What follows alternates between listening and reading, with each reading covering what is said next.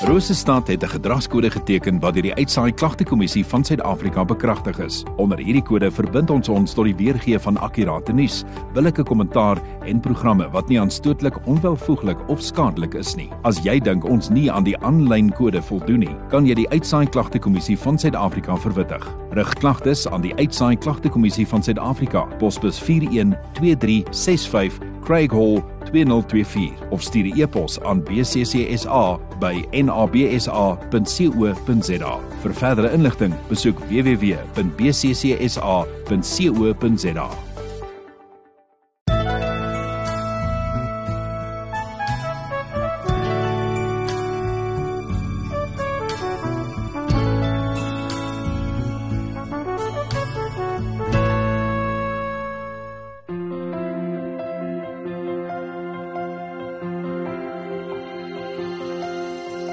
Ons weet goed wat sy naam is.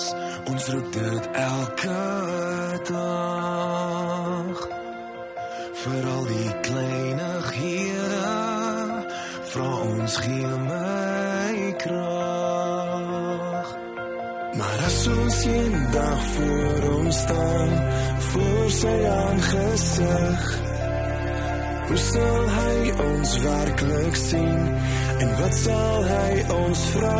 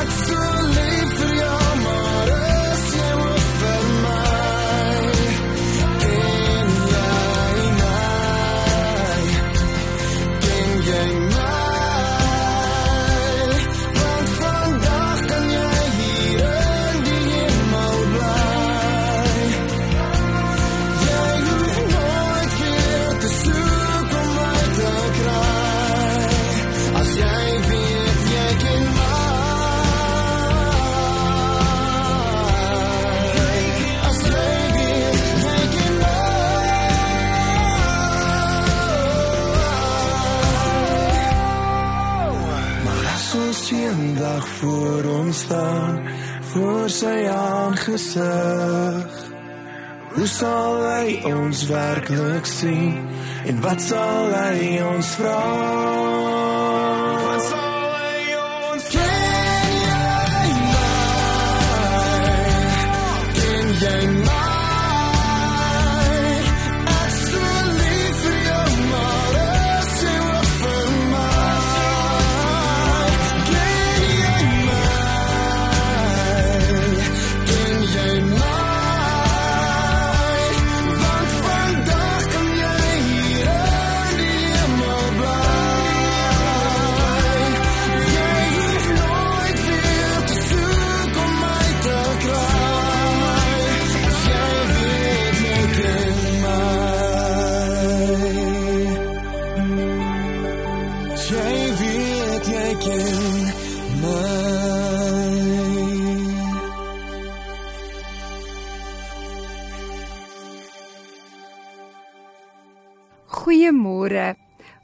Lekker om op hierdie Vrydagoggend rondom die woord van die Here te kan kuier En ons weet dat dit nou nog net 'n baie klein tydjie voor die grootste internasionale fees, naamlik Kersfees is. En ons as kinders van die Here herdenk die geboorte van Jesus Christus op Kersdag. Ek lees graag vir ons vanoggend uit Hosea 11 vers 1. Toe Israel 'n kind was, het ek hom liefgehad en uit Egipte het ek my seun geroep. In die boek Hosea vind ons een van die skokkendste opdragte wat God aan sy diensknegt gee. Die Here gee aan Hosea die opdrag om met 'n prostituut te trou wat hom gaan verlaat vir ander mans. Ten spyte van Hosea se liefde, trou en versorging, hou sy aan met haar ou lewenswandel en ontrouheid. Haar losbandigheid en ontrou laat haar uiteindelik op die slawemark beland waar sy as 'n slavin te koop aangebied word. Dan kom die Here 'n tweede maal soos 'n vratsgolf na Hosea om die vrou wat hy liefhet en wat telkens in oorspel terugval te gaan terugkoop by die mark. Sy het waarskynlik in armoede en slawerny verval. Sy was so opgebruik deur prostitusie dat Hosea haar met 'n afslagprys van 15 sikkel silwer en 'n ander half homer gars omtrent die helfte van 'n slaaf se prys kon terugkoop. Die verhaal van Hosea gee 'n totaal nuwe en dieper definisie aan ware liefde as wat ons as mens dalk graag vandag sal wil hoor. Ons leef in 'n tyd van kitsprodukte, opgradering en vervanging. Onbewustelik het hierdie moderne verbruikersmentaliteit ook ons huisgesinne, huwelike en verhoudings binne gesypel en vasstaande waardes, verbintenis en volharding by die agterdeur laat uitspoel. Die huwelik word in dieselfde lig as 'n selfoonkontrak gesien. As dit nie werk nie, dan gradeer ons net weer op. Ons soek in alles die weg van die minste weerstand. Dit is baie makliker om gebreekte goed te vervang as wat dit is om dit te restoreer of heel te maak. Maar God se ekonomie werk totaal en al omgekeerd en dit is juis die boodskap wat Hosea aan ons bring. God het ons lief ten spyte van al ons foute en ons tekortkominge.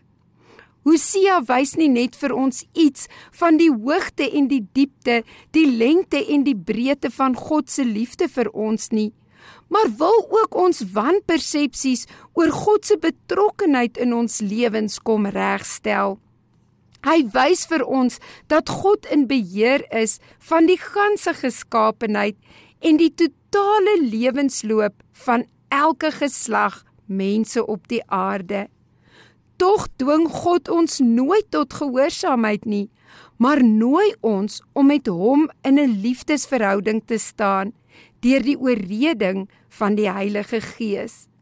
God wag geduldig dat ons vir hom die pen sal gee sodat hy die outeur van lewe in elke faset en elke aspek van ons lewens ook ons verhaal kan skryf so 'n vertroue in hom laat ons toe om selfs wanneer ons nie alles verstaan nie, steeds te weet God werk soms onsigbaar agter die skerms om alles ten goeie te laat meewerk vir diegene wat met 'n onverdeelde hart op hom gerig is. Hierdie waarheid word dwars deur die Bybel gesien in die lewens van gewone mense. God se betrokkenheid in die lotgevalle van die mens bereik egter 'n absolute klimaks in die ontvouing van die geboorteverhaal van Jesus Christus, die lankverwagte Messias en koning. Matteus trek vir ons die gordyn voor 'n baie belangrike toneel oop sodat ons kan sien hoe maklik ons God se plan en werk in ons persoonlike omstandighede kan misverstaan en verkeerdelik kan interpreteer. Die verwagting na die Messias het oor 400 jaar toegeneem in die harte van God se volk. Uiteindelik het die tyd vir sy koms ryp geword. Johannes die Doper is al as wegbereider vir Jesus op pad. Maria die nooi van Nasaret het haar roeping en rol in God se plan heelhartig en met 'n volle oorgawe aanvaar. Die engele staan gereed om sy lof te besing. Die skaapwagters wag al by die skape en die sterrekykers tref reeds die reëlings vir hulle lang reis na Bethlehem.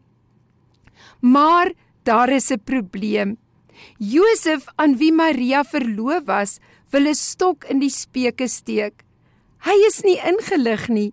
Hy sien glad nie die hart van die Vader raak nie. Hy kyk deur sy eie lense en is daarom verstrengel in die garingdrade van onsekerheid wat sy drome laat uitrafel. Josef se krisis is dat hy iewers in die middel van die groot verhaal van God ingesleep word om 'n rol te speel. Hy bevind homself eensklaps figuurlik gesproke midde in die toneel sonder dat hy hoegenaamd die draaiboek gelees het of vir die audisies aansoek gedoen het. Sy omstandighede is byna byna net so verwarrend en vreemd soos wat die van Hosea was. Dit wat in sy lewe afspeel, maak geen sin nie. Dit is absoluut ondenkbaar, absurd en hartverskeurend, want al wat Josef raak sien, is dat sy geliefde Maria swanger is. En in al sy onsekerheid is hy oor een ding wel 100% seker. Hy is nie die pa van die ongebore baba nie. Josef ken die Joodse wet en gebruike baie goed. Hy weet volgens die Joodse gebruike was 'n verloving net so bindend soos 'n huwelik.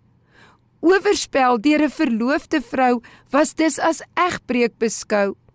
Dit kon volgens Deuteronomium 22 vers 23 tot 24 selfs met die dood gestraf word.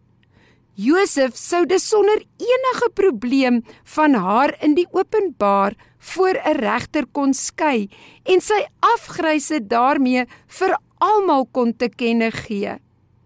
Hy kies egter om haar die skande en bespotting te spaar. Hy besluit om die verloving stilweg te verbreek en in die geheim van haar te skei.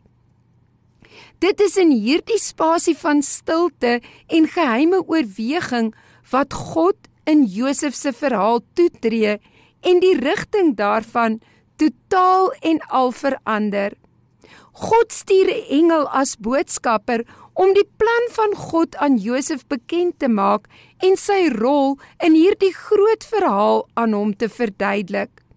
Op hierdie manier ontdek Josef God is nie alleen die outeur van die lewe nie, maar ook van sy persoonlike lewe en omstandighede. God is die teenwoordige God. Josef se oë gaan oop vir wat God besig is om in sy lewe te doen. Hy sien skielik alles in die lig van God se teenwoordigheid en betrokkenheid by dit wat in die wêreld gebeur en dan ook meer spesifiek in die fynste detail van sy en Maria se lewens. Dit is God wat deur die Heilige Gees die nuwe lewe in Maria verwek het. Hy is in beheer van alles wat rondom ons gebeur en ook in dit wat met ons gebeur. Niks is toevallig nie, maar presies, planmatig en perfek. Selfs al lyk dit vir ons deurmekaar verwarrend, onseker en donker. Die engel verduidelik aan Josef dat die seun wat gebore sal word, se naam Jesus moet wees, want hy sal groot wees en die seun van die Allerhoogste God genoem word. Josef kom agter dat hy die voorreg sal hê om Jesus sy naam te gee. Josef verstaan uiteindelik sy rol in God se groot verhaal. Hy sal Jesus aanneem en 'n veilige plek gee om te behoort in 'n gewone aardse familie. Josef wat wou wegskram, uitdraai en weghardloop, aanvaar nou in verwondering sy rol en roeping in die vervulling van die messiaanse belofte wat deur al die eeue lank reeds verwag is. Jesus is Immanuel, God met ons, deur wie Josef en ook ons in God se wêreld en verhaal ingetrek word.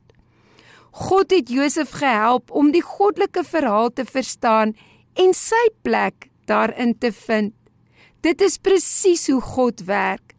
Hy lig ons in oor waar ons in sy storie inpas en dan verander alles in ons lewe.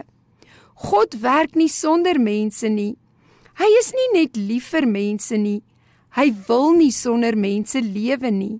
Daarom het hy in Jesus Christus vir ons die lig in die duisternis van ons eie onkunde en kortsigtigheid gestuur, sodat ons hom uit die duisternis kan volg tot in sy wonderbare lig. Waar Josef vroeër uit die verhaal wou klim en van Maria wou skei, verstaan hy nou wat aan die gebeur is. God nooi hom letterlik in die verhaal in en Josef neem die besluit om nie alleen in die verhaal te bly nie, maar om God volkome te vertrou vir elke tree wat hy moet gee. Hy word op die wyse 'n gewillige medewerker in die uitspeel van God se reddingsverhaal. Dit het 'n groot impak op Josef se lewe, maar ook op al die geslagte na hom. So word die seun van God wat as 'n brose baba in 'n harde wêreld gebore word, verwelkom in die versorgende ruimte van 'n hegte gesinsverhouding. Die seun het 'n pappa en 'n mamma, 'n naam omdat hy 'n naamgewer, 'n pa het. Die seun het 'n plek, 'n tuiste. Die oomblik toe Josef die hart van God leer ken en verstaan het, het sy lewe ingrypend verander. Hy kon beslis soos Job uitroep: Ek weet dat U alles kan doen en geen plan vir U onuitvoerbaar is nie. Wie verberg die raadsbesluit daarsonder kennis?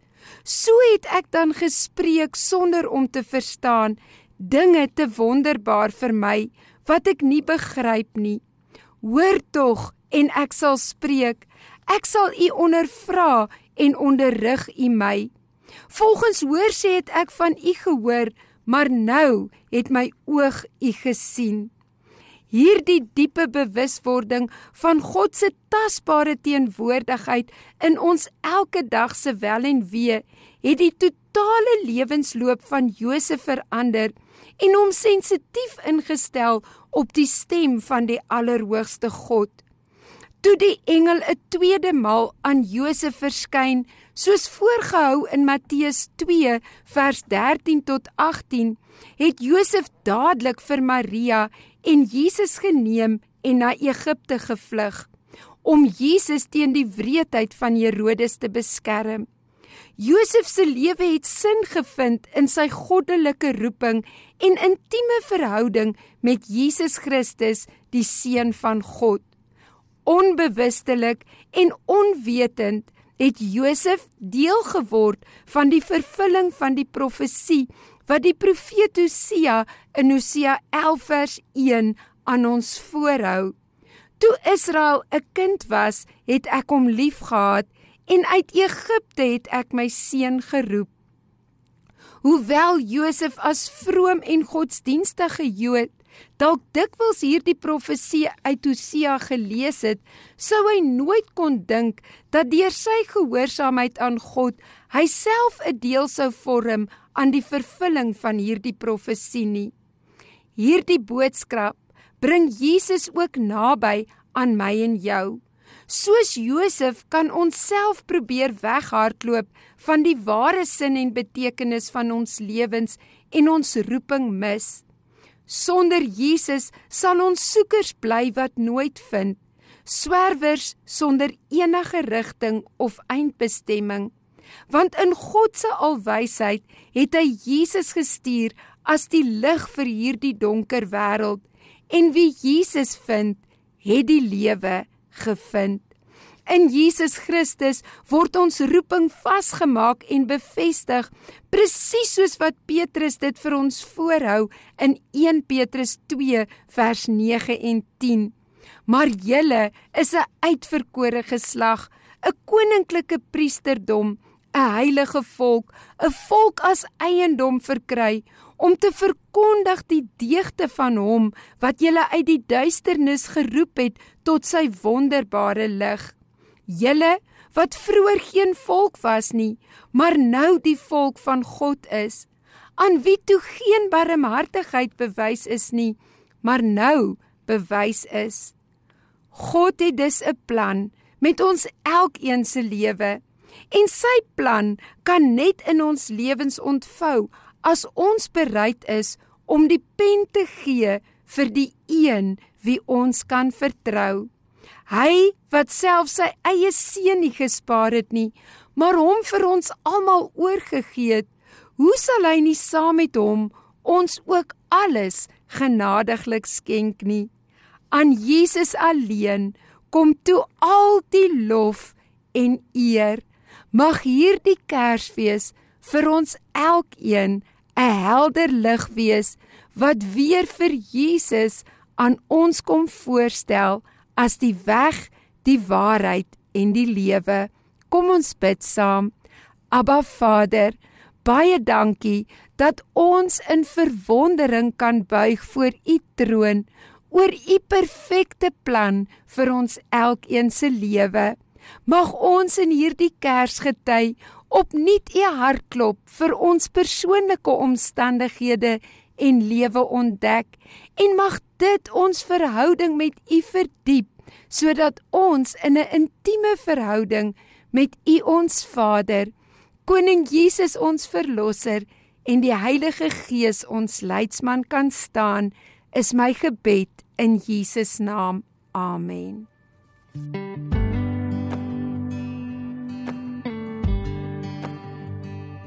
Every time I try to make it on my own. Every time I try to stand and start to fall. And all those lonely roads that I have traveled on. There was Jesus. When the life I built came crashing to the ground. When the friends I had were nowhere to be. I couldn't see it there, but I can see it now. And there was Jesus. In the waiting, in the searching, in the healing and the hurting, like a blessing buried in the broken pieces.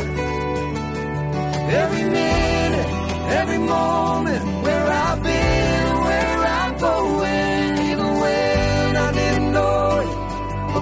see. There